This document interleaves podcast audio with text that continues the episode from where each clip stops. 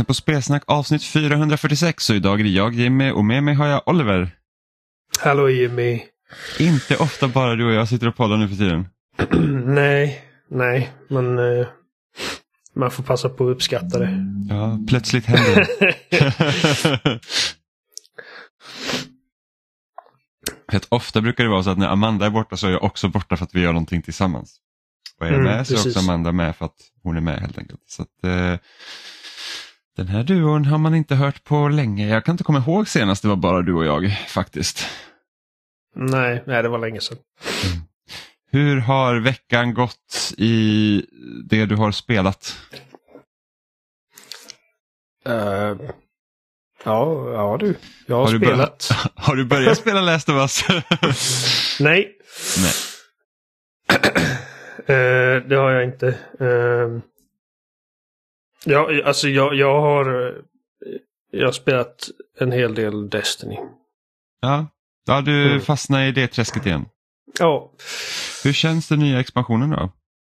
oh, men den är bra. Har du klarat den? Ja, Visst är den här som är som skulle vara så mycket mer cinematisk om jag inte har fel? Ja, att det är precis. liksom mer som en, säg att det här hade varit typ Destiny 3-ish.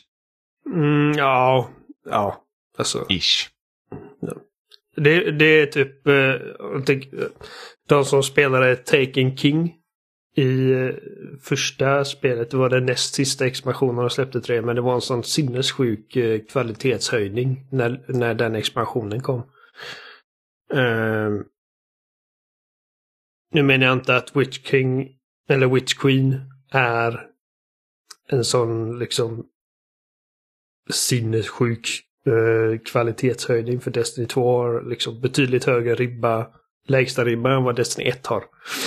Men eh, men de slår på liksom stora trumman och, och verkligen eh, jag menar alltså storyn är lättare att följa. Det är liksom ordentliga mellansekvenser och, och det sätter upp eh, nästa expansion på ett ganska bra sätt. Så att jag, jag ser fram emot det nu också. Får se ifall jag fortfarande liksom är high på Destiny då. Förmodligen inte. Nej. Om inte Eh. Adam då köper paketet åt dig så får du bara tvingas in i det. ja, ja, precis. Um, ja, men det är nice. Det är alltså, den, denna säsongen kallas Season of Plunder och är så här lite piratinriktat. Så att uh, säsongsvapnen och gearen är, ser väldigt så här liksom eh, scruffy och, och piratiga ut. Liksom du har typ ett gevär som ser ut som en gammal blunderbuss. Och, eh, det är ett par nya aktiviteter där man eh, man ska liksom jaga booty och eh, ja men det är verkligen så här och musiken känns väldigt piratig också. Hur Jag ser fram alltså, emot att spela Raiden. ja, är är det fortfarande typ sex pers man måste vara för att raida? Mm. Kan, du, kan du söka med eh, slumpmässiga personer eller måste du vara ett party? Mm, eh, Jag måste... Jag tror att jag måste vara i ett party. I och för sig, det finns, det finns en grej som kallas guided, guided game eller vad, det, eller vad man kallar det som är i beta. Jag har aldrig testat det, jag vet inte riktigt hur det fungerar. Men eh, jag ska försöka få ihop, eh, för att jag, jag, jag är nu så att jag liksom möter power-rekommendationen. Mm. Eh, och Adam har några kompisar som, som spelar ibland. Och, så jag tänkte jag ska liksom skaka på några träd och se vad som kommer ut. För att alltså raidsen är ju... Alltså de, de är svåra för att, för att det är ett sånt... Man måste kommunicera Liksom. på ett helt annat sätt. Alltså du liksom, du måste sitta i princip med mikrofon med någon för att det ska liksom vara eh, Precis, optimalt. och, och det är liksom innan man ens kommer dit så som sagt man måste liksom ha sex spelare som alla eh, liksom är dels då liksom alltså vet vad de håller på med. Liksom. Alltså jag hade inte kunnat liksom sätta min fru på ett Destiny-konto och liksom tänkt att hon skulle... Nu ska vi bara- raida Jenny. Ja. det måste Kom vara... Alltså, man, man måste liksom känna till Destiny. Liksom. Mm. Och, och man ska försöka hitta liksom fem andra spelare som också når power-rekommendationen och liksom är investerade nog att orka sätta sig. För att alltså, det kan ta det kan ta tid att göra en raid. Alltså när vi spelade liksom eh, det, jag kommer inte ihåg vad raiden kallades, men den som kom med Vanilla Destiny 2. Ja, ja, vi Eh, satt ju typ eh, två veckor nästan med den. Ja, du, Varje jag, kväll. Robin, Ja. Emma, Kajsa och Martin. Ja, Tror jag det var va? yes, det stämmer. Eh, och det, alltså, det är ju skitkul. Alltså Raiden är ju verkligen liksom peak Destiny för att det, det är en rolig, roliga utmaningar och det känns verkligen som att ja, det här är liksom grandiost på ett sätt som övriga eh, delar av Destiny Content inte är. Eh, så att det är synd att det är liksom så svårt att komma in i det för att det är liksom där, eh, ska man säga, den riktiga liksom vaniljkrämen på bullen är. Mm. Ja, precis. Ehm. Men ja, nej. Det, jag, jag tycker det ska bli, bli kul. Och jag är ungefär en tredjedel igenom den här säsongen nu. Och det är ungefär, jag tror det är 80 dagar kvar någonting. Så jag tror att jag kommer kunna ta mig igenom det.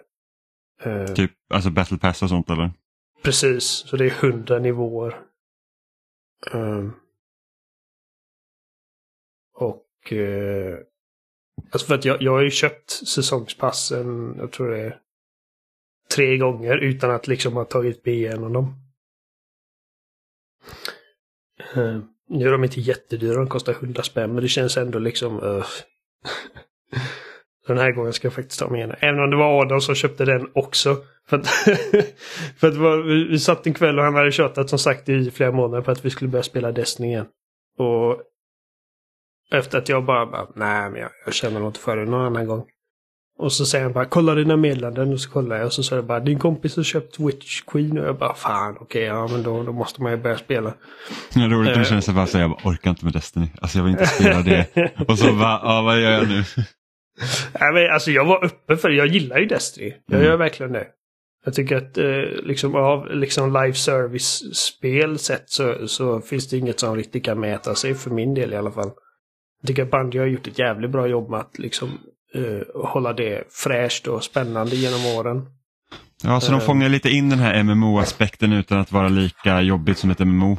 Även om det kan vara Mm. skitjobbigt att komma in i Destiny igen efter att man inte har spelat det på ett tag. Men du har ju Det- lite så att det är inte så massivt men du har fortfarande den här community-biten.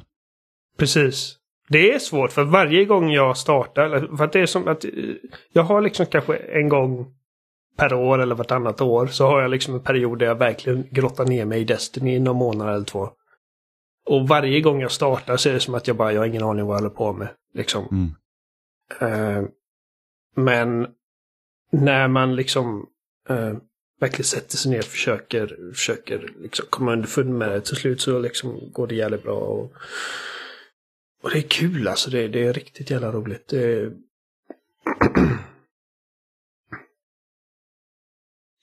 det Ja, känns- alltså, känns jag har ju bra. försökt liksom med Destiny att komma tillbaka men sen vi spelade två när det var nytt så har liksom Alltså att sitta och typ göra dailies och sådana grejer, det, det är liksom så att jag har inget intresse i det. Jag märker bara att jag tycker bara att det är så tråkigt. Mm. Ja, men, ja, men det blir, alltså Destiny, det kommer ju med ett visst mått, eller visst mått, det kommer med ett eh, hälsosamt mått av repetition. Mm. Eh, man gör liksom samma strikes, man gör samma eh, Crucible-matcher och Gambit-matcher och men jag Mm. tycker att det, det, det som en grej som är väldigt bra med Destiny är att eh, det finns så många olika sätt att, att göra liksom progress på ditt battle pass eller eh, på din power gear. För att Mm. alltså jag kommer liksom när Vanilla Destiny kom, alltså det största... Eller Ja, det största ju ingenting. Nej, precis. Det kändes, det kändes som att ja, man hittade en skattkista och det var liksom skräp i. Och man satt med sina liksom tråkiga vapen och det kändes som att man inte blev belönad för den tiden man la in. Och det, alltså det har de ju definitivt fixat för att nu, nu går det fan framåt alltså. Mm. Jag undrar om inte de har liksom tittat lite på Fortnite för jag har ju spelat det en del de senaste veckorna och, och köpte också Battlepasset dit bara för att jag vill liksom, hur fungerar det här? Och du får ju liksom det finns så mycket challenges i matcherna som egentligen inte har att göra med att du måste spela ditt bästa. Så att åh, döda så här många eller eh, vinn flera matcher i rad. Utan det liksom kan vara helt andra aktiviteter. Typ så att, ah, men hitta de här skattkistorna här. Eller typ ja, men Indiana Jones-temat i de här challengerna. Så nu kan du liksom försöka hitta stenbumlingar du ska få liksom att åka en viss bit. Så att, eller gå på skattjakt eller sånt. Och sen får du väldigt, väldigt mycket XP också av att bara spela. Alltså så här, säg att jag inte Precis. vill göra challenges, jag vill bara spela. utan liksom jag har väl kommit typ till level 60 i Battle Passet tror jag och jag har liksom inte sagt att oh, jag måste liksom spela massor utan det har liksom skett naturligt. Så Det är väldigt skönt. Mm. Nej men det är, det är så eh, som i Destiny också att det är liksom det, det, är svårt att hitta någonting att göra i det spelet som inte ger dig någon form av progress till någonting. Um, ja. Nej, det, det, det är kul. Mm.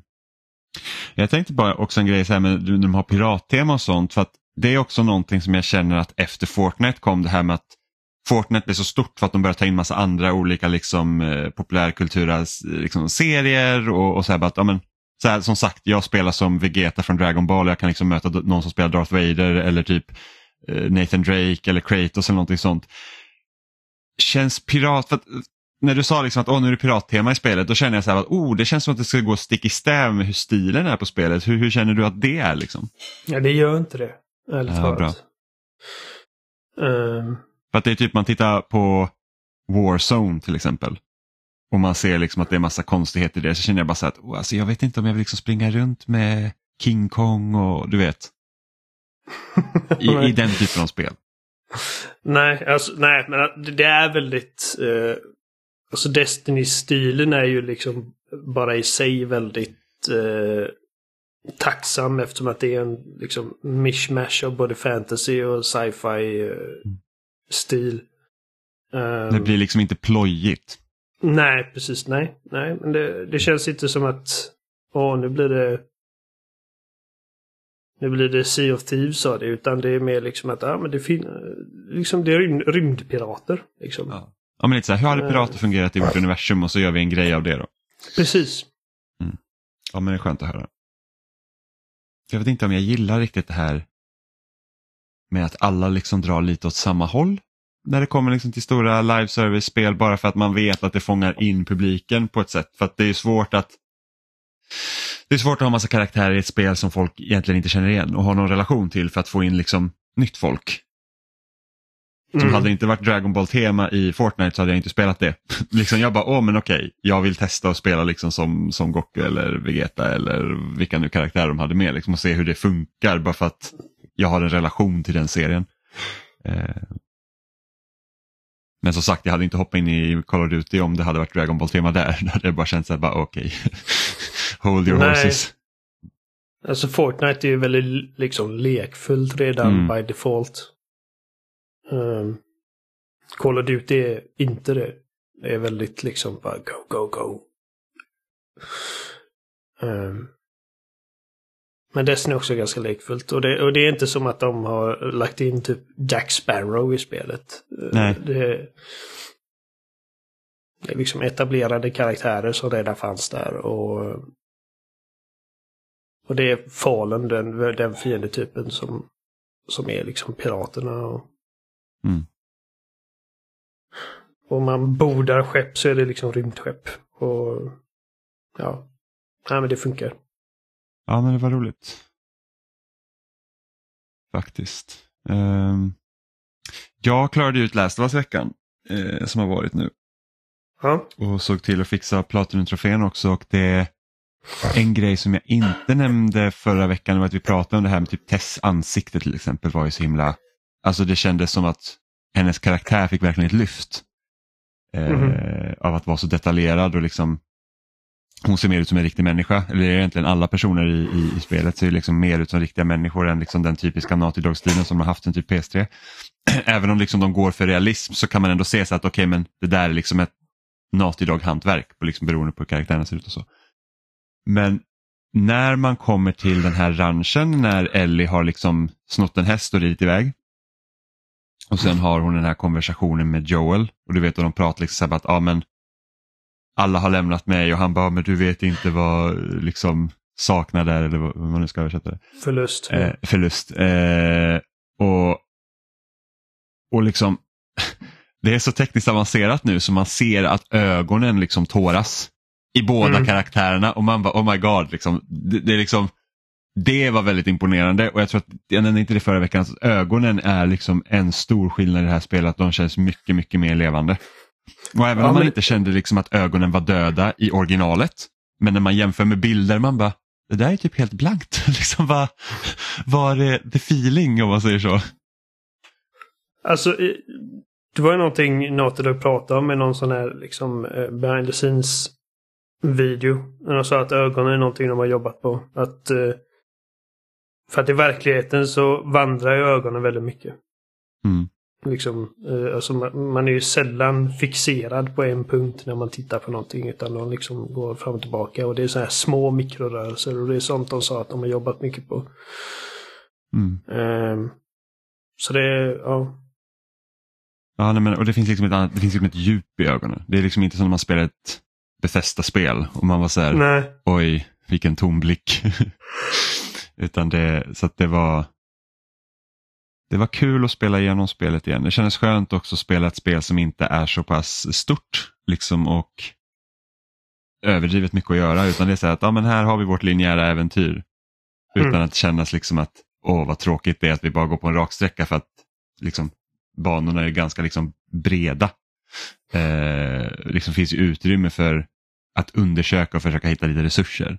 Ja. Eh, men eh, det känns liksom lagom och det ska bli kul att spela. För Jag ska, jag ska börja med tvåan. Jag inte jag ska spela dem back to back och se liksom. Ja, du gör, gör en Oliver.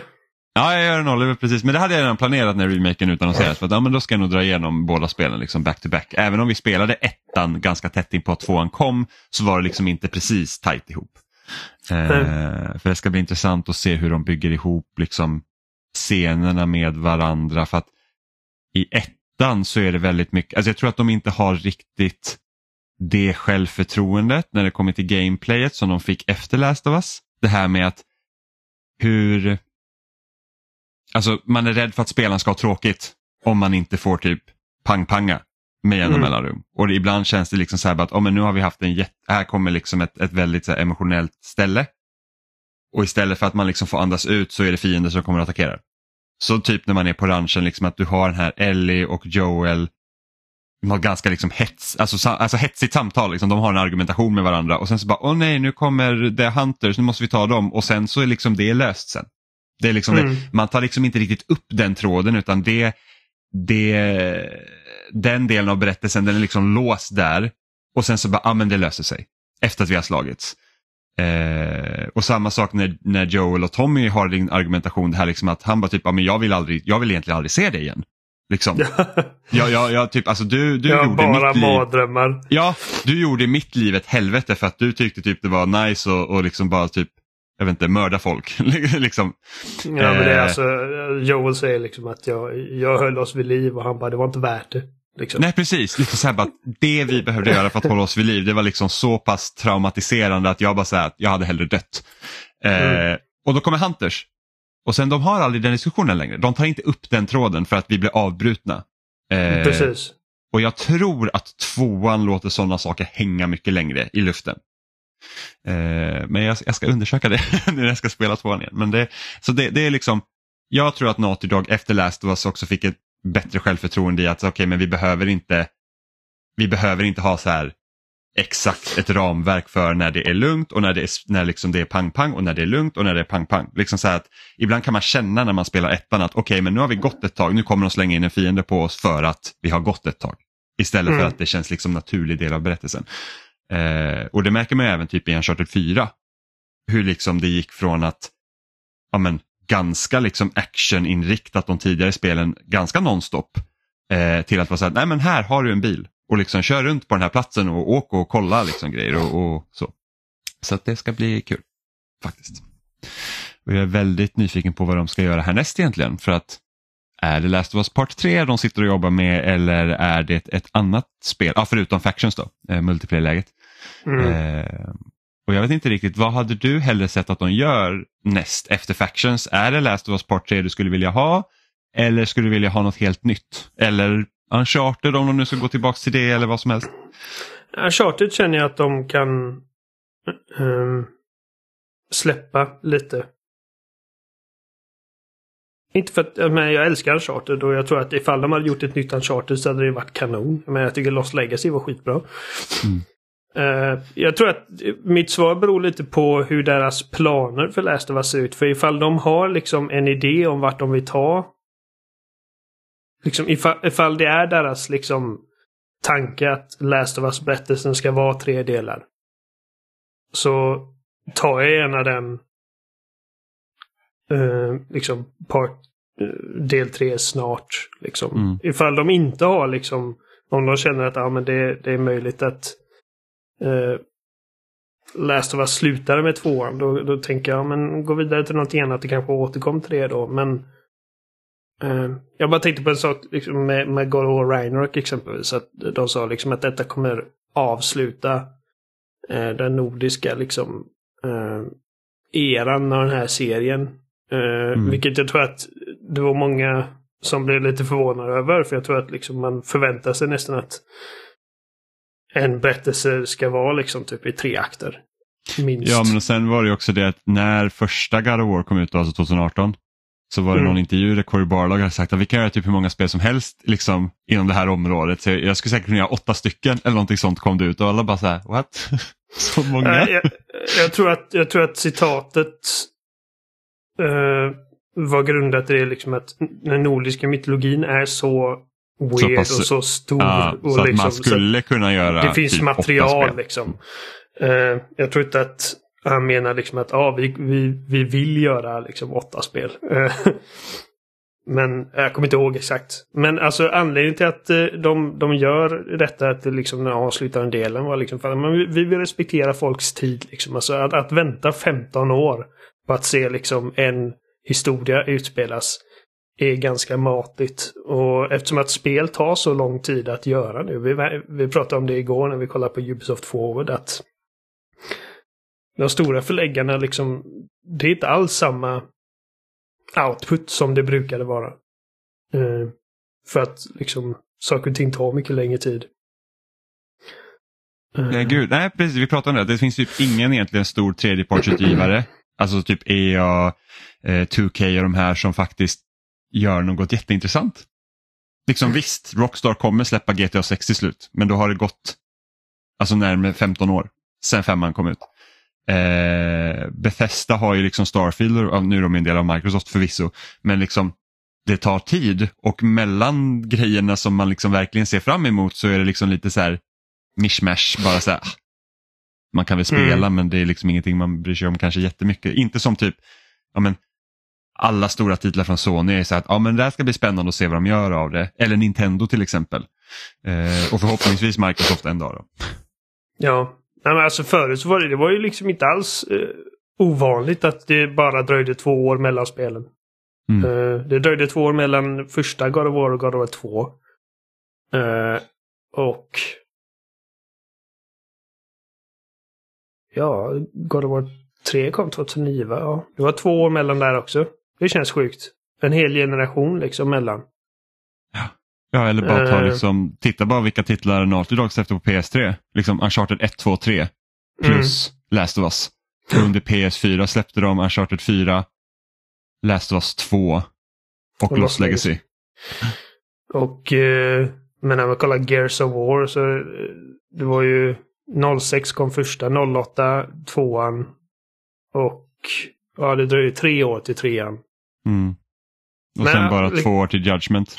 Ja, nu är det liksom att man, man, man ska nästan förvänta sig i alla, i, i alla fall fyra år. Om man kollar liksom. Det, det kommer ha gått fyra år mellan God of War och God of War Ragnarok. Uh, så att uh, jag känner att om, om ambitionen är på Naughty Dog då, om, om, om ambitionen är att det ska liksom komma en liksom avslutande del eller någonting för Last of Us. Så då får de gärna göra den innan de går vidare till nästa grej som jag verkligen kan liksom grotta ner mig i. Mm. Ja, verkligen. Apropå spel som tar lång tid att göra, att tiden mellan Breath of the Wild och Breath of the Wild 2 är den längsta i hela serien. Vilket är rätt sjukt. Med tanke på typ att tiden mellan så Twilight Princess och Skyward Sword kändes som en evighet men det har gått längre tid mellan Breath of the Wild och tiden mellan Skyward Sword och Breath of the Wild känns också som en evighet men det har gått längre tid nu. Mellan Wind Waker och Twilight Princess också. Ja. Och det var bara tre år mellan Wind Waker och Twilight Princess va? Ja. Så, ja. Jävlar. Då, då, då var ju vi Tre- yngre också så tre år var ju en halv evighet. ja, men liksom det var ändå, jättelångt. Men nu Ja, alltså, är det känner tre det. år tar ju, går ju hur snabbt som helst. Ja, alltså hela GameCube-generationen känner jag liksom att den var så pass lång liksom i mitt minne. Ja, Men det samma var här. inte så långt. Den Alltså, var inte så lång. Det var fyra år. Wii- liksom- Wii-eran var lång. Ja, det var, ja den kändes, ja precis. Wii-eran och 360, det, den kändes riktigt lång. Men det var också så här 2005 till 2013. Så det var, den var väldigt lång. Ja, nej. Det... Det är läskigt att Jag tänka tror- på sånt. Jag tror jag redan började känna typ tre år innan de visade upp Xbox One och Playstation 4 kände jag liksom att nu är det dags för nya konsoler. Jag var så frustrerad varje E3 när ingenting hände. Det var bara så här, men var, var, när kommer det? Alltså tre år. Vad menar du? Innan, Innan? In, innan de visade, när vi, när vi spelade 360, när liksom den generationen. Så tre Mm. år innan de visade upp nästa generations konsoler, då kände jag att nu är det dags. Nu vill jag ha de nya maskinerna. Liksom. Ja. Däremot så kände jag eh, på Xbox One och PS4-eran så kände jag mig inte lika. Men jag tror att det också handlar om att de släppte liksom One X och PS4 Pro halvvägs in. Så att då kändes det som att okej, men eh, nu har jag liksom fått en liten uppdatering och så att jag inte lika bråttom. Ja, det känns helt sjukt att de nya konsolerna, alltså Playstation 5 och Series, är två år i höst. Ja, det känns inte som var länge sedan man satt och väntade på att sin PS5 skulle komma hem. Nej. Fortfarande svårt att få tag i. Ja. Ja. Men eh, vi har ju faktiskt spelat ett Nintendo-spel du och jag. Mm. Vi har ju spelat Splatoon 3. Så hur känner du för den här tredje delen i deras multiplayer-serie? Jo, men det är bra. Det... Alltså, man skulle säga alltså multiplayer-lägena är ju spelets, precis som föregående titlar. Så, så det är ju där liksom the meat and potatoes är. Mm. Ehm, och där har det inte hänt så jävla mycket egentligen. Ehm, Nej, alltså jag skulle nog nästan kunna tänka mig att det är så här finlir som vi som inte liksom spelar så dedikerat eh, inte riktigt märker av kanske. Precis. Så säkert ifall, ifall du typ är någon som har liksom lagt 100 timmar på Splat, Splatoon 2 så, så kommer du märka skillnader. Uh, nej, givetvis finns liksom nya banor och gamla banor som återkommer har liksom eh, små estetiska och strukturella förändringar. Eh, du har liksom lite mer movement options så det finns säkert ett par nya vapen liksom. Eh, Mm. men mycket av det känns igen. Mm. Och eh, inte för att jag hade förväntat mig så mycket annat egentligen. Det var bara liksom eh, Splatoon är så jävla roligt. Mm. Ja, men det är så annorlunda liksom. Det här med att man det går egentligen inte ut på att du ska samla så många kills som möjligt utan du ska liksom färglägga banan och se till att du liksom har mest territorium då i grundläget. Eh, och att du liksom, Mm. även om det kan se mörkt ut när det är typ 30 sekunder kvar på matchen så är det inte omöjligt att vända det. Precis. Även om andra laget är bättre på att mörda till exempel. Sen går det ju hand i hand också med att det är mycket lättare att färglägga ifall man är bra på att mörda. För att då, då har man inte massa skit som målar över ditt. Så är det. Så är det. Liksom bara det att när man typ kör en wipeout på motståndarteamet och man bara känner så okej okay, nu jävlar bara pusha fram fort som fan så att man liksom håller dem lite stången. Ja, på de fem eh. sekunderna hinner man göra mycket på banan alltså. Ja. Eh, men eh, alltså det, det, det, som är så briljant med konceptet. Eh, alltså bara förutom att det är bara så jävla estetiskt tilltalande och eh, att det är liksom tillfredsställande att klägga ner banan. Ja, färgen ser så jävla bra ut också. Det ser ja, ut som att man liksom typ bara sprutar oljefärg. Det är fantastiskt. Och den låter bra också. Liksom, ja. När man skjuter sina, sina bläckpistoler. Bara plupp, plupp, plupp, plupp, plupp. liksom, ja. Allting är så blött och gojsigt och gott. Ja. Eh, men alltså, för att du kan liksom, ifall du har en spelare som är en riktig liksom killing machine. Som är riktigt bra på att eh, döda så kommer han liksom, eller hon, eh, det, det gör ju en positiv liksom, impact på, på ditt lag för att det öppnar upp för att, som sagt, eh, färglägga mer ostört. Och om du inte är någon som är liksom bara liksom traditionellt bra på att, eh, på att få kills och göra headshots och grejer i multiplayer-spel så kan du ändå liksom ha roligt och eh, eftersom att objektet är liksom att färglägga så att du kan liksom hålla dig undan från fiender. Och, och se till att liksom färglägga där, där liksom det kaoset inte är. Um, så att det är liksom någon som du och jag som är liksom vi har, vi har mycket erfarenhet liksom i multiplayer shooters. Uh, vi kan ha lika kul med det som typ min fru som bara tar den här liksom rollen och springer runt. Hon, mm. kommer, hon kommer dö mycket men det är liksom, hon spånar om och så går hon och rollar igen. Liksom. Och, mm. Men det var lite det som typ Overwatch gjorde så himla bra också, som fick många in liksom i, i shootersvängen var ju det att du kan ta en roll där du inte behöver vara i fronten. Liksom jag vet att många som inte var vana vid shooters spelar till exempel hela det istället.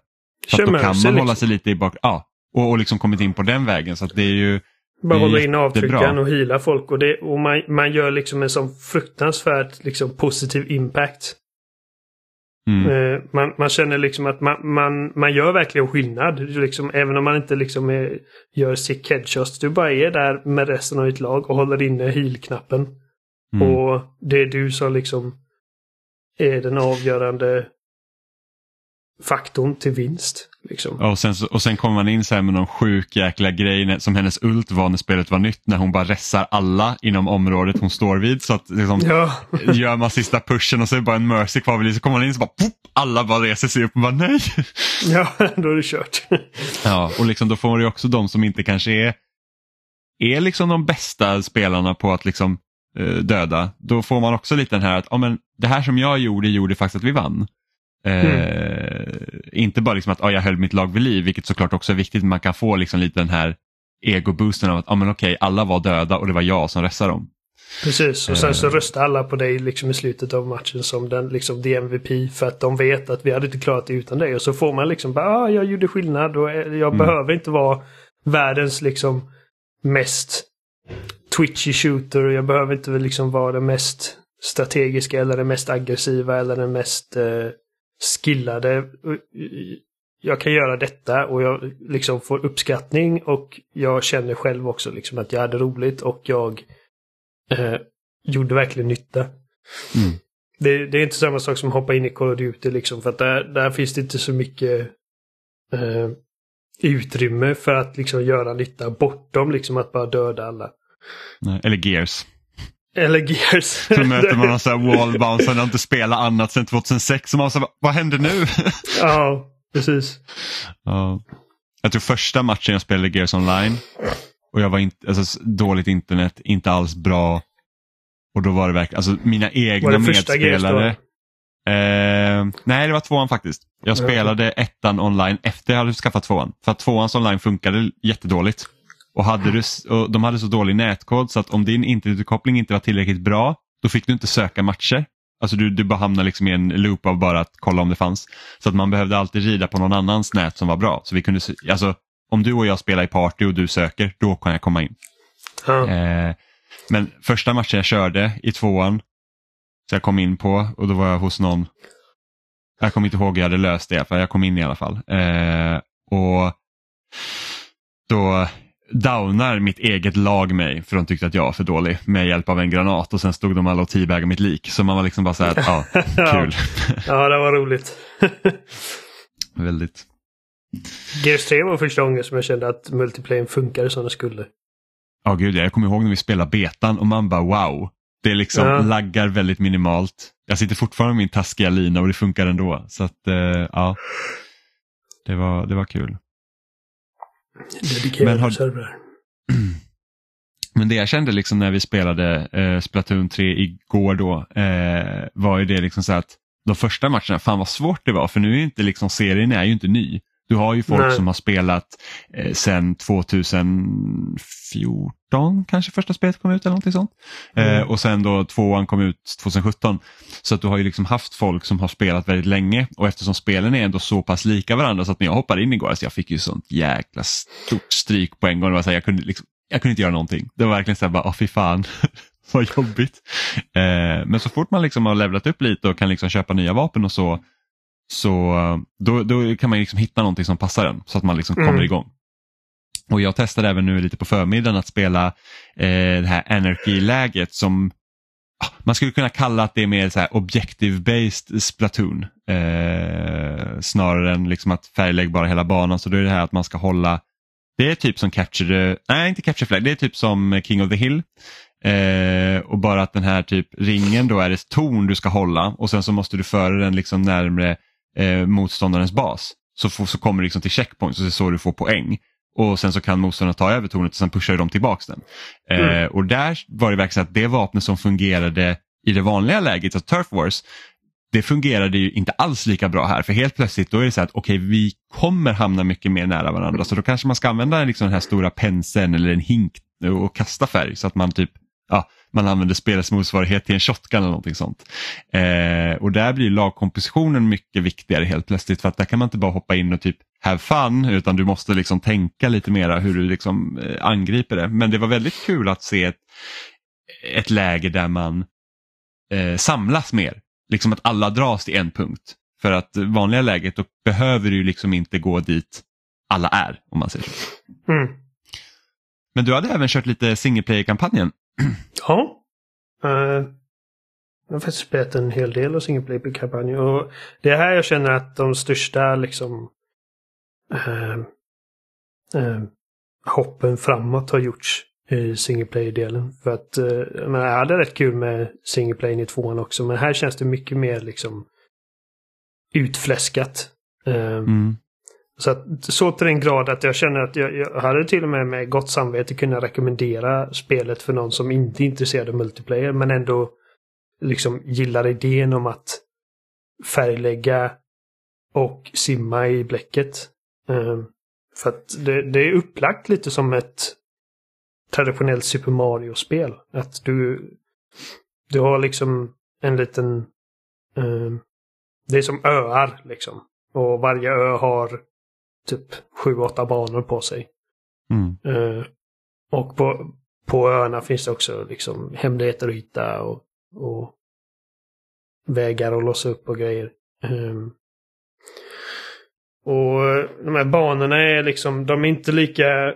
Alltså det handlar inte bara om att åh, liksom döda alla, eller döda känns som obscent i ett spel som detta, men liksom eh, skjuta bort bläckfiskfienderna som finns. Eh, det kan också vara grejer som att kom till slutet av den här banan eh, utan att få slut på bläck och så kan du inte ladda upp bläck. Så att du måste se till att varje skott du skjuter är väldigt strategiskt placerat så att du inte slösar någonting. Eh, det kan vara att okej, här är en stor staty. Färglägg hela statyn och så är det liksom på nivå, nivåer på nivåer. Så du måste liksom ta dig upp så att du når varje liten vrå på statyn. Eh, det kan vara små hinderbanor där man grindar på sådana här rails och eh, skjuter på um, typ targets eller lådor längs vägen. Um, det finns bossar som är väldigt roligt designade. Uh, det finns labyrinter du ska liksom ta dig igenom och sen flippa upp på sidan och så måste det liksom att den, den bläck du har färg, liksom lagt eh, första gången du tog dig in i labyrinten är nu vad du behöver använda för att simma upp liksom vertikalt för samma bana. Och det, det, Mm. Alltså, Nintendo är väldigt bra på bandesign. Mm. Väldigt lekfulla. Väldigt lekfulla och, och det skiner verkligen här precis som det gör liksom i ett Mario-spel. Nu skulle jag inte säga att det är lika värt de här 550 kronorna jag la som typ Mario Odyssey exempelvis. Mm. Eh, Men som sagt, jag har inte haft dåligt samvete över att rekommendera det för någon som bara är intresserad av single playen. Det är faktiskt, det är faktiskt väldigt roligt. Mm. Jag rörde inte singleplayen alls i eh, Splatoon 2. Alltså jag tror inte ens jag hoppade in i det. För att jag var så här, att jag vill bara spela multiplayer. Och jag kände lite samma sak eh, för Splatoon 3. Jag bara, men jag, alltså, jag, jag vet inte hur intresserad jag är av att springa runt som en inkling själv. Och, och liksom så här, jag, jag, vill, jag vill slåss mot andra människor. Eh, men när du sa igår så att det, bara, men det är rätt så kul så körde jag ändå liksom den första, i- alltså inledningen egentligen på typ tre fyra banor eller vad det nu är. Eh, och det var så här, att ja, men det här är liksom det är ett ganska nice tidsfördriv så här långt. Det var, Mm. det var liksom inte så här att åh, jag skjuter på typ hjärndöda fiender som bara kommer hela tiden och jag liksom jag får bara samla färg och typ skjuta utan det var ju verkligen, det känns lite så här bonusbanorna i ett Mario-spel. Lite så här att ja, men här är ditt liksom objektiv, eh, Mm. gör det och sen är du klar. Precis. Så att ja, väldigt, eh, nej, men det, det, det är så pass annorlunda att det är kul och jag tror lite det att det är därför de kommer kanske lite undan med det också att det, det inte händer så mycket mellan spelen om man säger så. Mm. Eh, det är liksom det, det är inte ett spel som har kommit liksom, det har inte kommit ett Splatoon varje år där ingenting händer. Det, det dröjer Nej. lite mellan. Det var fem år sedan förra spelet. Ja men precis. Eh, och nu kan vi söka match tillsammans så vi hamnar i samma lag också. Ja, men precis. Det, alltså, det är ju... Nu, nu, som sagt, jag sa det igår att det riktiga eldprovet är att spela fyra och se om man ändå hamnar i samma. Mm. Ehm, men hittills, så, alltså, vi, vi, har, vi har aldrig delats upp och det är vad jag sa liksom inför launchen. Liksom att ifall... Det är typ det enda jag verkligen vill ha. Mm. Ja, det, går jag- bra, det går bra att hitta matcher, det går fort mellan matcherna och matcherna är snabba. Liksom, så att man, man liksom sitter där och bara säger att ah, en till, en till. Liksom. Mm. Sen så, alltså Man- de här grejerna som man avskydde med förra spelet, de här små grejerna men som ändå är liksom enerverande som fan. Varje gång du startar upp spelet så har du de här två, alltså typ tv-värdarna som ska typ snacka goja och presentera typ ah, här är lägena bla bla bla och det går inte att skippa. Och varje gång du levlar upp och går till vapenaffären så ska den här liksom vapensäljaren liksom förklara varje vapen. Liksom, det är så jävla mycket liksom Ja, unskippable och dialogue. Ja, och det är liksom man, så här, att man drar sig för att gå in i någon affär för att man vet att man måste snacka med det här lilla butiksbiträdet som liksom inte kan hålla snattran. Eh, De här grejerna är i sig själv inte ett problem alls. Problemet är att det inte går att skippa. Liksom. Ja. Eh, Hade det bara varit att jag trycker på plusknappen när jag startar spelet för att hoppa över det här liksom, introduktionsskiten. Så det hade varit liksom perfectly fine. Och det är samma med den här snubben som ska förklara varje ny eh, nytt vapen du har låst upp. Och om- om det bara var liksom att jag kollade på ett vapen och tryckte på en knapp som sa liksom explain this. Och då fick Mm. man grejerna. Liksom att det är du som eh, initierade. Det har också liksom löst hela det problemet. Jag fattar liksom inte riktigt varför de envisas med att trycka ner det i halsen på mig. Ja, Och sen det här med att du har bara två banor i rotation varje timme. Det stör mig inte också- lika mycket. Eh, men det är också det är en sån grej, för jag undrar liksom varför de har gjort det så. Jag förstår inte riktigt. Jag tror, alltså jag skulle nästan, jag kan misstänka att det kanske har två orsaker. En är det att nu har vi typ tre lägen och beroende på vilket läge du kör så är det två liksom, banor i varje rotation. Det kanske får folk att hoppa mellan lägena för man känner sig trött på någon bana och då, då hoppar man in här för att här är en bana som jag inte har spelat eller här är en bana jag Mm. kanske tycker bättre om. Ja. Två, att folk inte ska spela så länge. Liksom att du har inte typ 8-10 banor som du bara kan liksom sitta och nöta, nöta, nöta, nöta liksom så att det, det är nytt hela tiden. Utan det kan vara så att oj, nu är jag tröttnar på de här två banorna, jag kommer tillbaka lite senare. Mm, why Det skulle jag också kunna break? Precis, det, det, eftersom det är Nintendo så kan jag tänka mig att det är lite så eh, möjligt att det skulle kunna vara. Men det blir liksom så här typ att jag tror jag hamnar i så två situationer där jag hoppar in och så är det två banor och sen när jag kommer nästa gång några timmar senare så är det samma två banor och det blir så här, åh, alltså jag hade gärna spelat någonting som jag inte hade spelat. Mm. Eh, och sen så är det lite så här att det är väldigt mycket saker som händer i spelet. Så att du har typ så här nameplates och det är kläder och det är liksom alla så här möjliga grejer du kan, kan eh, customisa din karaktär med eller köpa för att få olika förmågor och sånt. Men vissa grejer är så, är så dåligt förklarat, eller liksom väldigt svagt förklarat så att jag vet liksom inte vart man hittar det. Så man kan typ, det finns något kort som man kan få som är till något spelläge jag inte vet riktigt var jag startar. Ja, jag har Eh, ingen aning heller. Sen har man något locker som man kan köpa typ grejer till och man kan customisa. Jag har ingen aning om var jag hittar det någonstans. Det är liksom, så att med tanke på den tiden de förklarar varenda jäkla ny pryl du kan köpa i butiken så finns det massa saker som de inte säger så mycket om. Och man säger bara, vad ska jag göra med allt det här? Så det, det är fortfarande lite förvirrande, vilket är väldigt märkligt med tanke på hur pedagogiska Nintendo ofta brukar vara. Ja. Nästan enerverande pedagogiska eftersom att de envisas med att förklara varenda liten grej för dig. Ja. Och sen så är det också det här med att de lever kvar fortfarande i det här gamla att du måste levla upp för att låsa upp nya vapen. Vilket gör att när man kommer in, alltså som, som när man spelade första gången då igår och man säger att shit, nu ligger jag liksom 24 timmar efter de senaste som har spelat. Och man var så här, vad har den där personen för vapen? Varför känns det som jag inte gör så mycket skada? Alltså det var först igår att vi har kört några matcher och vi låste upp typ den här ljuspistolen som är inspirerad från den här eh, eh, tillbehöret till NES och sen den här typ eh, vad blir det, typ en, en Gatling gun liksom. Så då bara, ja men nu känner det som att liksom, jag hittar något som passade mig. Men det tar ju ett tag när man kommer dit. Mm. Och sen det här att man har massa olika vapen, eller du har samma vapen med olika förmågor men det räknas som ett nytt vapen. Och det blir också så att okej jag skulle kunna sitta typ på tre likadana men de har alla olika saker knutna till sig istället för att man köper det här vapnet och sen kan man lägga till de här förmågorna själv. Det är också någonting som jag hellre hade sett för att Ja. det är så att ja, men här är min roller och här är typ tre andra rollers. Så, så det, blir, det blir lite rörigt det också.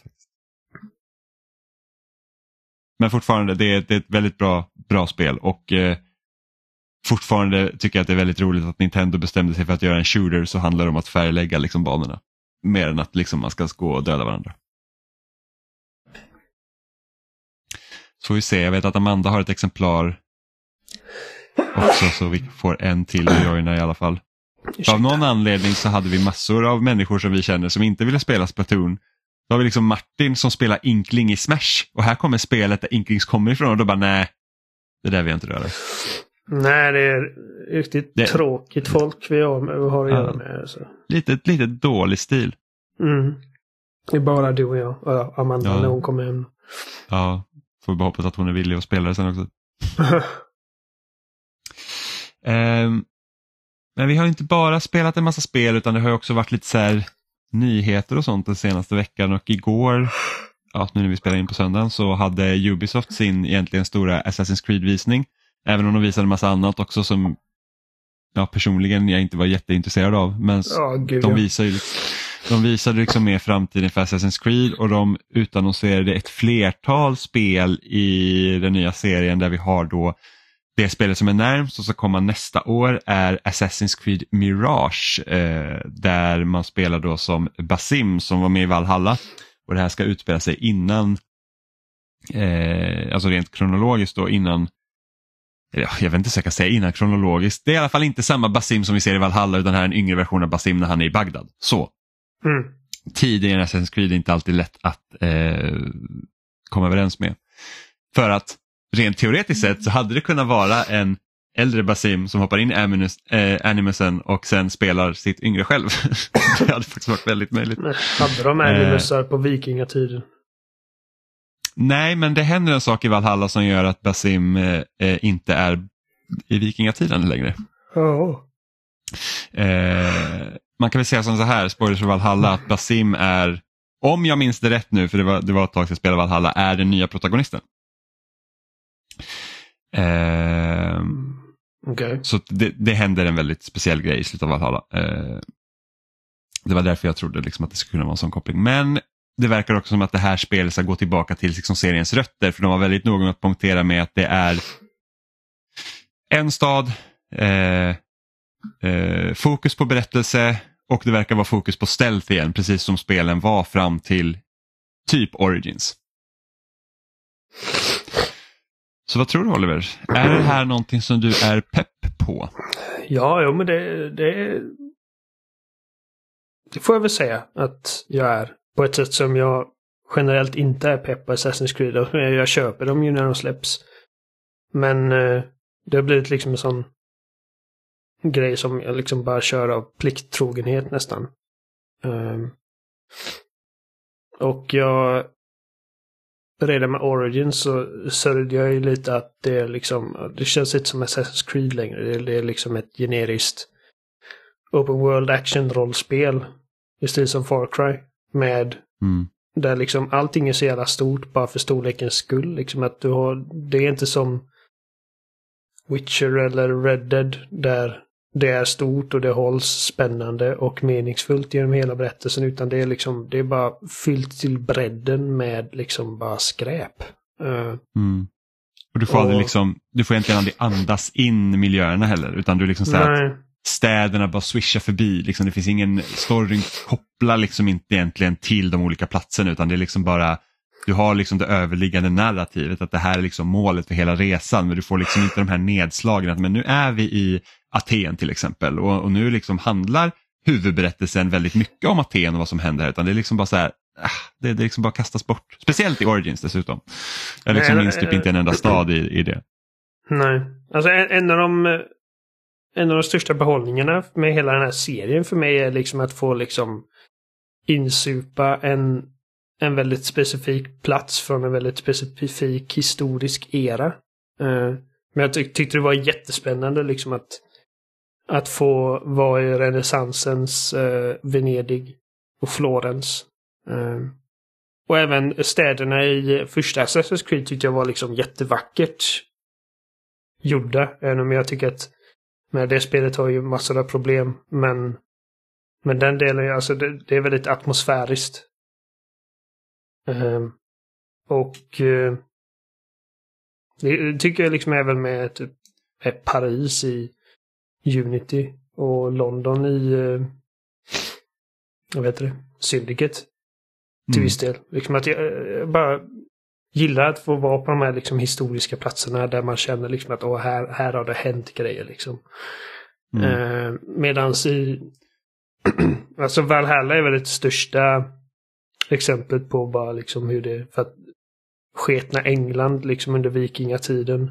Bara massa öppna fält och liksom inga egentligen specifika igenkännbara liksom, eh, landmärken eller... Det var allting bara smälter ihop. Ja. Eh, I Odyssey hade det i alla fall liksom all, liksom det coola antika Grekland med alla tempel och stora statyer och häftiga hamnar och grejer. Men Eh, verkligen och även typ så här, man tar Assassin's Creed 4 där det också liksom blev lite större och där börjar man ju liksom se det här mer, liksom det större open world så var det ju ändå att de här olika liksom platserna man åkte till kändes ändå som att ja, men nu är vi här och så har vi en liten berättelse här som, som kopplar ihop till det större. Ja. Så när de säger att vi med Mirage ska gå tillbaka till rötterna av serien. Eh, där det är mer av ett liksom stealth action-äventyr.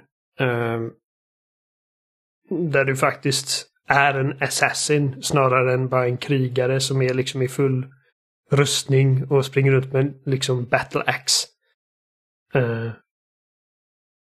Att, Alltså, Assassin's Creed 1 är liksom, jag tycker det är fortfarande seriens mest intressanta spel. Eh, Mm.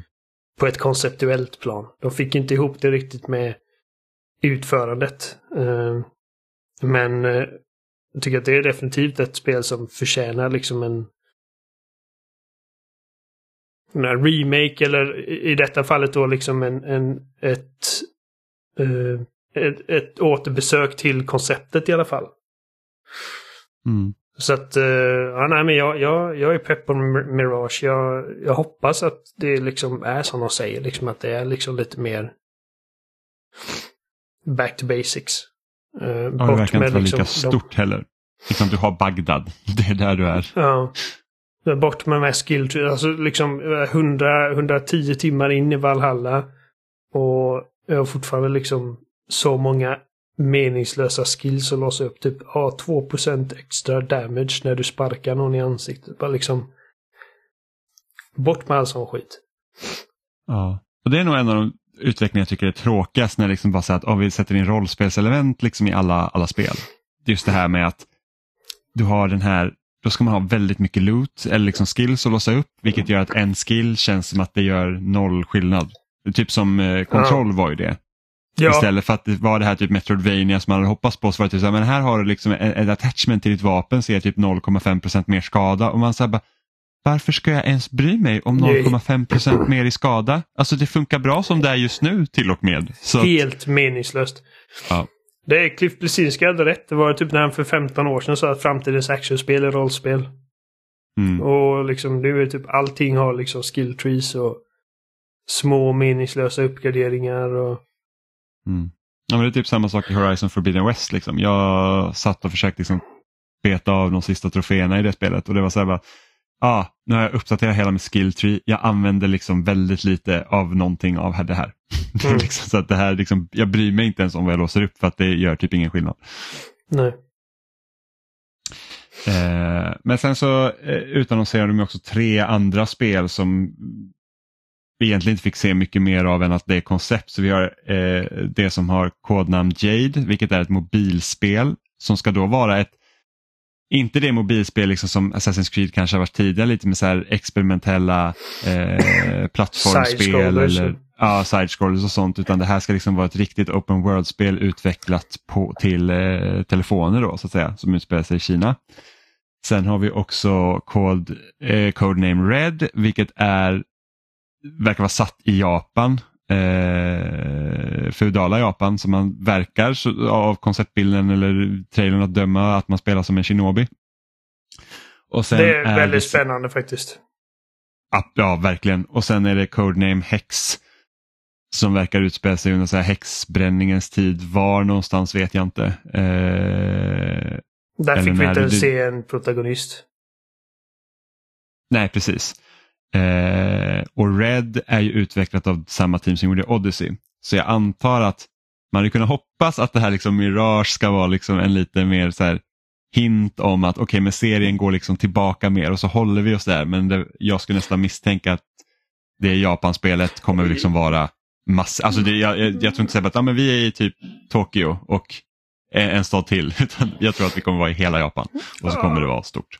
Det var, det var lite det, den känslan jag fick också när de pratade om det. De var väldigt vaga men de sa liksom att detta är liksom next big uh, så här, mainline bla bla bla. Mm. Uh, så det är antagligen det spelet som kommer föra framåt eh, berättelsen då, om man har koll på den. Det är spännande för att eh, efter Assassin's Creed 2 när jag började liksom drömma om vad de kunde ta serien härnäst innan de liksom typ mjölkade sönder serien. uh, var att jag vill se Egypten, det har vi fått. Antika Grekland, det har vi fått. Och feudala Japan, Japan, Japan. Japan. uh, och det kommer nu då. Så att det är liksom, det, det har varit min checklist för det. Uh, mm. Och jag tycker att liksom ett Assassin's Creed-spel satt i Japan när man spelar en Shinobi. Det känns liksom som, som handen i handsken. Det känns perfekt. Uh, jag är lite orolig för att, för att när de snackar liksom om Allting de snackar om och säger om Mirage är liksom, ja men det här, är, det här låter bra, det här är vad jag vill ha för den här serien. Och de sa inte samma saker om detta spelet, vilket gör mig lite orolig för det. Men är ändå mer, liksom mer pepp, eller vad ska man säga, mer optimistisk inför Assassin's Creeds framtid nu än vad jag var för typ två år sedan. Mm. Ja, men det känns uh, inte heller, alltså sen de gick från att liksom verkligen släppa ett spel varje år så känns det som att de också lite mer, de tar tillvara på serien lite, att det behöver liksom inte, vi behöver inte ha ett nytt Assassin's Creed varje år. Nej. Utan de, liksom, de får ta lite tid. Det är lite så, Man snackar om att de tar tillvara på serien och sen utannonserar de fyra spel på en kväll. Ja, jo men det är sant. Men, Men, så, men jag förstår vad du menar. att, ja, för när alla de här spelen kommer vara ute förmodligen typ kanske 2026, 2027. Kanske vi har fått se alla de här. Skulle jag gissa, jag vet inte så att jag, jag ska inte liksom ta mig inte på orden där men, men om Mirage kommer nästa år ska jag inte tänka mig att de släpper två Assassin's Creed samma år. Nej. Även om de har gjort det förut. Men jag skulle inte tro det för då hade de nog sagt att Red kommer 2023. Men jag kan tänka så här att ett spel 2023, Red kanske kommer 2024 eller 2025 och Hexley Mm. kommer efter det och då är vi liksom 2026. Eh, Mobilspelet kan egentligen komma ut när som, känner jag. Det, det, jag tror inte att det liksom räknas in i cykeln med de andra spelen. Nej, men, det behöver eh, det inte göra. Nej, men eh, så att, så att det är liksom det är inte som att när Mirage kommer ut så kommer vi börja undra vilket nästa Assassin's Creed är för det vet vi redan. Mm. Ja, men precis. Och de snackar om att de har, eh, de har en Netflix-serie på gång. Och Mm. eh, har någonting av Assassin's Creed Infinity som verkar vara typ en launcher eller typ en hubb. Jag tyckte det var Precis. ganska vagt. Ja, det, det har kommit fram lite uppgifter om vad det är efter det. Utan det, det ska liksom vara så att det de gör nu är att de tar typ bort de framtida spelsegmenten från alla Assassin's Creed. Så att när du liksom hopp, eller inte alla utan de, de kommande. Så att när du liksom hoppar in i Mirage så kommer du inte få spela i framtiden eller när du hoppar in i Red eller Hex så kommer du inte liksom, du kommer inte styra en, en, en person liksom i nutid. Eh, utan det liksom håller sig till Infinity. Så det kanske händer att det kommer kunna vara spelbara sekvenser där som binder ihop spelen. Okej, Eh, så att framtid, Infinity är liksom din karaktär som är nutida då, eller framtiden. Och när du launchar typ Animus in i Red, då kommer du in i det spelet liksom. Ja men precis, man ska kunna se att Inf Infinity är animusen liksom, eh, som du hoppar in i. Och, och det, de skulle säkert kunna göra så att de kanske till och med släpper en nutida protagonist för att det är du nu. Precis som de typ gjorde i Assassin's Creed 4 när man gick runt i hela spelutvecklarstudion i första person. Eh, då var man ju liksom inte en specifik person, man var ju, liksom, man var ju sig själv. I princip. Eh, och Jag såg även så att ah, men om vi skulle typ göra en standalone multiplayer-upplevelse igen så kanske man skulle launcha den via Infinity också. Så att det blir typ som en Assassin's Creed-hubb, så som jag har förstått det. Så får man se om de lyckas med det. Alltså, de är inte de första som har försökt liksom ha en hubb för ett spel som sen typ bara dör ut. Och sen ingen gör något mer av det. Typ, vi har ju Halo Waypoint till exempel där man kunde typ launcha flera spel på på 360 också men det, alltså jag vet inte ens om Waypoint används längre. Som en app på det sättet. Mm, nej. Så att vi får se. Jag gillar ju nutida grejen i Assassin's Creed liksom som koncept men det är bara att de har ju inte lyckats göra något intressant med det sen typ tvåan. Möjligtvis Brotherhood. Och sen efter tre så har de bara liksom så här, då, det, finns liksom ingen riktning egentligen på det längre. Det är Nej. liksom alldeles för rörigt. Så jag tror att det är typ det som hände i slutet av Assassin's Creed 4, liksom den twisten, vad som hände i nutiden. Den tråden tror jag först togs upp nu i Valhalla. Så att det är liksom, det är jättemånga år emellan också. Så att det är lite märkligt. Var det något annat på Ubisoft Forward som du... Nej.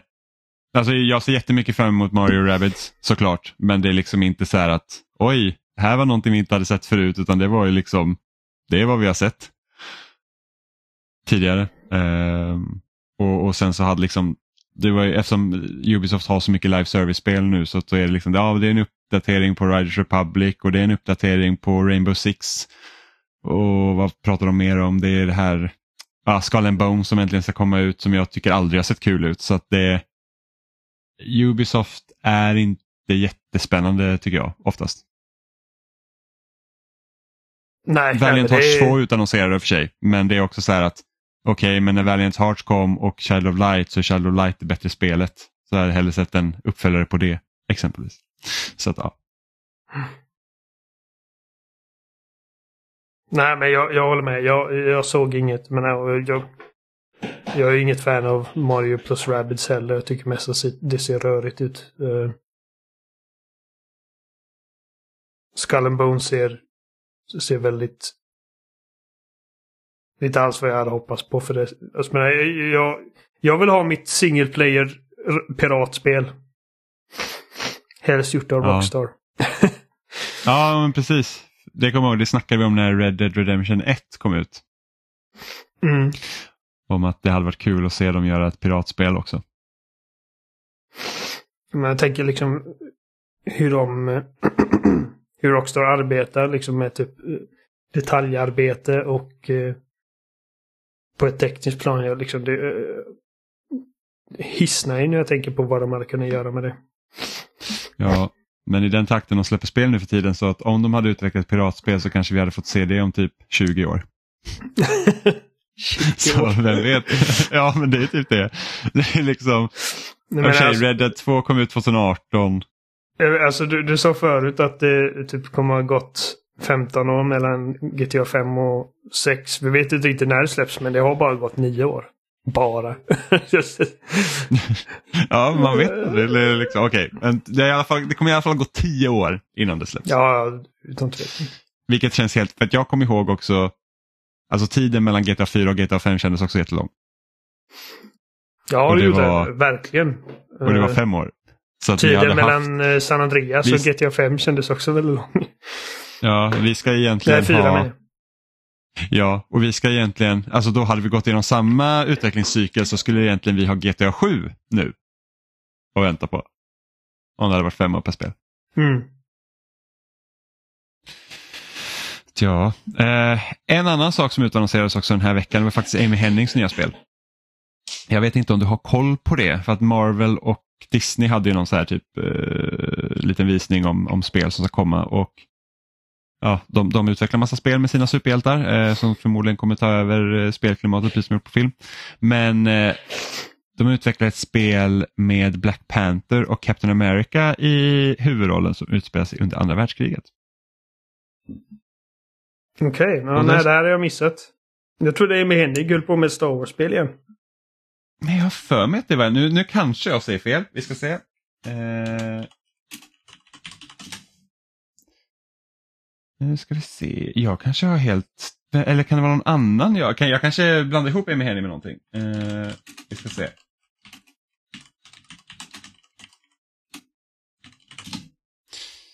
Eh, nu ska vi se. Nej. Led by former Naughty Dog creative director Amy Henning. Ja, kan på... Hon kanske sitter på båda. Alltså, Ja. Så det, det ska ändå bli spännande tycker jag. Alltså det, det var inte någonting som jag hade förväntat mig. Sen vet inte jag hur jag vet inte hur pepp jag är på att spela som massa Marvel-hjältar i olika spel faktiskt. Längre. Nej, jag blev bränd på mm, Avengers. Men inte bara det, jag tror att det är så mycket Marvel nu. Jag tror att det här att Disney liksom släpper typ fyra olika tv-serier med sina superhjältar på Disney Plus om året gör liksom att så här, ah, man, man känns lite mätt. Köper du fortfarande alla eh, Marvel-filmer på Blu-ray? Jajamän, det gör jag. Jag slutade när Disney Plus kom. Ja, men nu har jag ju samlingen. Liksom, och jag vet inte om jag kommer betala för Disney Plus hela tiden och, och man vet inte om de kommer liksom plocka bort grejer därifrån heller. Så att, eh, jag köper inte tv-serierna dock, det, det orkar jag inte hålla på med, men filmerna köper jag. Jag har inte köpt nya Tor än, men det... Hur känner du över MCU nu? Jag vet att det är många som... Alltså på internet är de ju väldigt liksom... Åh, She-Hulk, hon twerkar där. Det var, där, det var det här Tony Stark dog för. eh, jag tror att det är ett misstag att släppa så mycket tv-serier som de gör. Mm, jag med. För att, alltså visst, jag tycker She-Hulk är helt okej. Det är inte ja, fantastiskt. Ja, jag med. Den är Eh, rolig. Alltså det är, en, det är en sitcom i princip. Ja, men det är liksom så här att det är inget jag väntar. Jag ser det bara för att det är en del av MCU just nu. Så vi kan säga att det har gått lite samma håll som Assassin's Creed har gjort för mig, att man kör det på rutin. Ja, precis. Eh, jag tyckte inte att Moon Knight var speciellt bra. Eh, Nej, alltså det? jag gillade första avsnittet av Moon, Knight och sen så kändes det som att det trampade vatten och det var inte jätteintressant. Och sen näst sista avsnittet var riktigt bra. Och sen sista var liksom blaha. Ja, Den Och mycket på här- att Oscar Isaac var så jävla bra. ja, men det här med att de liksom introducerar nya hjältar i tv-serierna just nu, det tycker jag inte om. Alltså, ja, Moon Knight hade gärna fått vara en film. Ja, jag håller med. Eh, utan de tv-serierna tror jag tycker bäst om det är sådana som liksom har tagit upp lite tråden på sådana som jag fått se tidigare som Eh. Falcon and the Winter Soldier och Loki, Loki tyckte jag var jättebra. Eh, och Hawkeye till exempel. Mm. Det, är liksom, det kändes som bra, bra sätt att knyta ihop liksom de karaktärerna som vi redan har sett. Men att introducera nya på det här sättet, det känns liksom som Moon Knight, det känns som att alltså, det hade inte behövt vara sex, sju avsnitt där, det kunde vara tre Ja. typ. Ehm, så att jag, ja, jag, jag är väl inte riktigt förtjust i det. Ehm, sen är det kul att de får testa liksom nya saker, du kan liksom ha en sitcom då som She-Hulk till exempel. Att det behöver liksom inte vara så gravallvarligt hela tiden.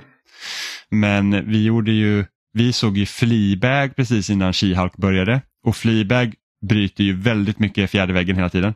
Mm. Alltså verkligen så här typ att det känns nästan som du är på en så här eh, one woman show när du ser Fleabag trots att det är liksom en, en komediserie med massa karaktärer för att den, den, liksom, den grundar sig i hennes one woman show som hon har haft. Eh, Är det den med Phoebe Waller-Bridge? yes, precis. Mm. Och, och hon liksom, de har liksom samtal med personer och hon liksom kommenterar det till tittaren nästan hela tiden. Men det är liksom så här små, det kan vara en, det kan vara liksom en nick, det kan vara eh, liksom bara en kommentar. Det kan vara liksom, så det, det, det känns väldigt liksom sömlöst. Medan She-Hulks, när hon bryter fjärde väggen så är det lite så här att varför, varför tänker de att det här var en grej? För att det känns inte som att hela liksom grejen, eh, alltså jag tycker inte att det, det är liksom, det är inte bra inkorporerat i serien att hon bryter fjärde väggen. Jag tycker att det är liksom bara så att okej, jag vet inte om det är en grej från serietidningar. Jag vet att Deadpool, det är ju lite hans grej. Liksom. Han, han Ja, är, han är Deadpool- självmedveten. Ja, och Deadpool gör det jätte, jättebra. Men det är Mm. också en grej för Deadpool. Det känns inte som en grej för She-Hulk även om det är här nu. Och jag vet inte om det är så i serietidningar heller. Det, det, det har jag liksom ingen, eh, inte koll på. Men jag tycker inte att de gör det bra. Däremot får jag säga Liksom att jag gillar hur ballsy de är med liksom att bara de kollar ut bara liksom folks bullshit på internet rätt ofta. Eh, Ja. som, jag tror i början av förra avsnittet så, så stod det klart att Wong kommer vara med. Och så eh, hon, jag kommer inte ihåg vad hon heter i serien. Jen. Mm. Hon bara tittar på kameran och bara Okej, ja, vi har, vi har med Wong så att uh, internettrollen ska bli lite glada. Ja, ja men det, det är liksom så här att det, det finns ju en, en nerv i serien som gör liksom att man säger att okej, ganska liksom progressiv och, och liksom så att okej men så här ser världen ut och vi har inte liksom, vi, vi, vi skyr inte några medel egentligen för att, för att nämna det. Men de vågar inte ta hela steget, för det är en MCU-serie. Mm. Så, och, det är väl lite det jag känner att mycket av MCU, de, alltså speciellt under fas 4 nu och liksom de här tv-serierna, är att de vågar liksom testa och experimentera lite, men de är för hårt hållna i den kontext de ska finnas i. Ja. Jag tror att det är största problemet. Liksom hade typ, ja men ta bara eh, Doctor Strange and the Multiverse of Madness, tänk om det hade fått vara en riktig skräckfilm. Mm. För att de testar det, men det är liksom, ja, jag vet inte om det är för mycket pengar på spel, att de är liksom, ja jag vet inte. Det, det hålls, jag tror att tyglarna hålls lite hårt i det.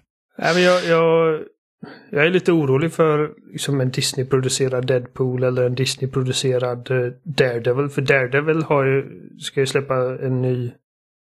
Jag vet inte om det är liksom en ny säsong av den som redan finns eller om de bara liksom gör en reboot av det med samma skådespelare. Men den ska börja spelas in nästa år och alltså Daredevil tycker jag...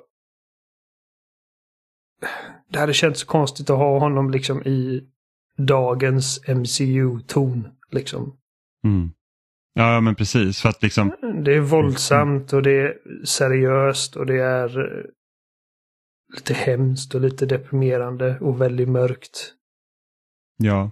För Daredevil, alltså den tv-serien är bättre än någon tv-serie som finns på Disney Plus av eh, Marvel. Ja. Så att Ut, jag, alltså, eh, utan tvekan, alltså långt före.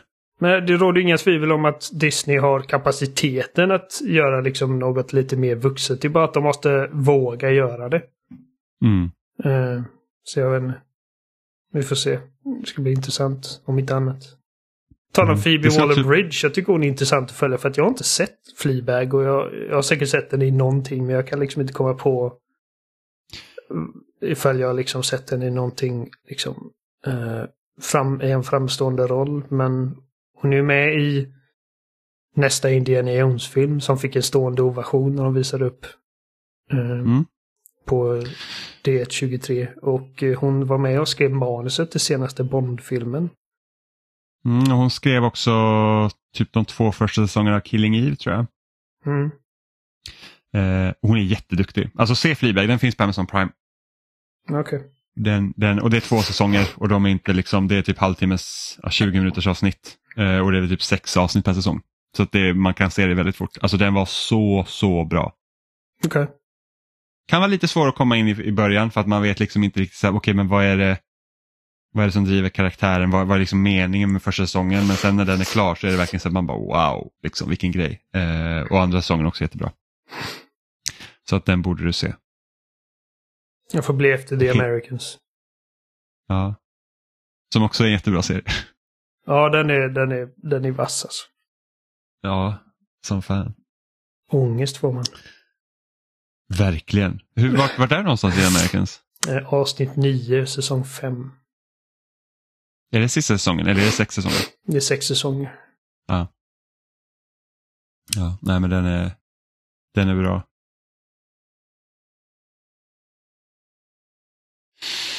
Men nej, jag tror att eh, det här var väl allt vi hade för idag Oliver? Ja, jag tycker det känns som en rimlig punkt att avsluta på. Ja, jag har inte spelat något mer, eller ja i och för sig, jag börjar spela Half-Life 2 eh, igen på min Steam Deck. Men eh, det kan vi ta vid ett senare tillfälle. Ja. Och nästa vecka vet jag inte om det... Ja, Metal Hellsinger kommer, det ska du väl spela? Det ska definitivt spelas. Har vi någonting att se fram emot. Men ni hittar oss som vanligt på spelsnack.com och där finns också länkar till alla ställen vi finns som er favoritpodcastapp som Spotify, Apple Podcast, Google, någonting, RSS-flöden. Vi finns överallt där du lyssnar på podcast och skulle vi inte finnas överallt du lyssnar på podcast så kan du mejla in till oss på kontaktaspelsnack.com och säga att hej, ni finns inte på den här appen, kan ni fixa det? Och så kan vi säkert göra det. Eller Johan kanske kan göra det. Jag vet inte hur man gör. inte jag eh, Nej, precis. Vi var lova, vi som politiker Oliver, lova guld och gröna skogar och bara så här. Ja. Hoppas att ni har röstat idag nu när det är valdagen. Eh, Jag vi vet inte hur, men eh, vi ska nog lösa det på något sätt. Ja men precis. Ja men det är så här, politikersnack. Det är allt så här, tekniken kan lösa det, det finns någon algoritm för det. Och sen när man frågar, okej men hur ser den här lösningen ut ni som vet? Och då bara, öh, öh. För att det finns inte. Förmodligen. Eller så är det väldigt långt bort. Eller så har massa tekniksnubbar varit väldigt överoptimistiska när de har sålt in idén att det ska funka. Mm. Eh, men mejla in till oss på kontaktetspelsnack.com. Följ oss i sociala medier som på Instagram, Twitter och Facebook på Spelsnackpodd. Och så hörs vi igen nästa onsdag helt enkelt. För det kommer vi ut varje onsdag året om. Förutom kanske vid jul där vi ibland har en vecka ledigt. Ja, fan. Dålig. Dålig arbetsetik. Ja precis, fy fan att vi inte sitter på julafton och spelar in. Mycket, mycket dåligt. Men eh, vi säger hej då. Hej då med er.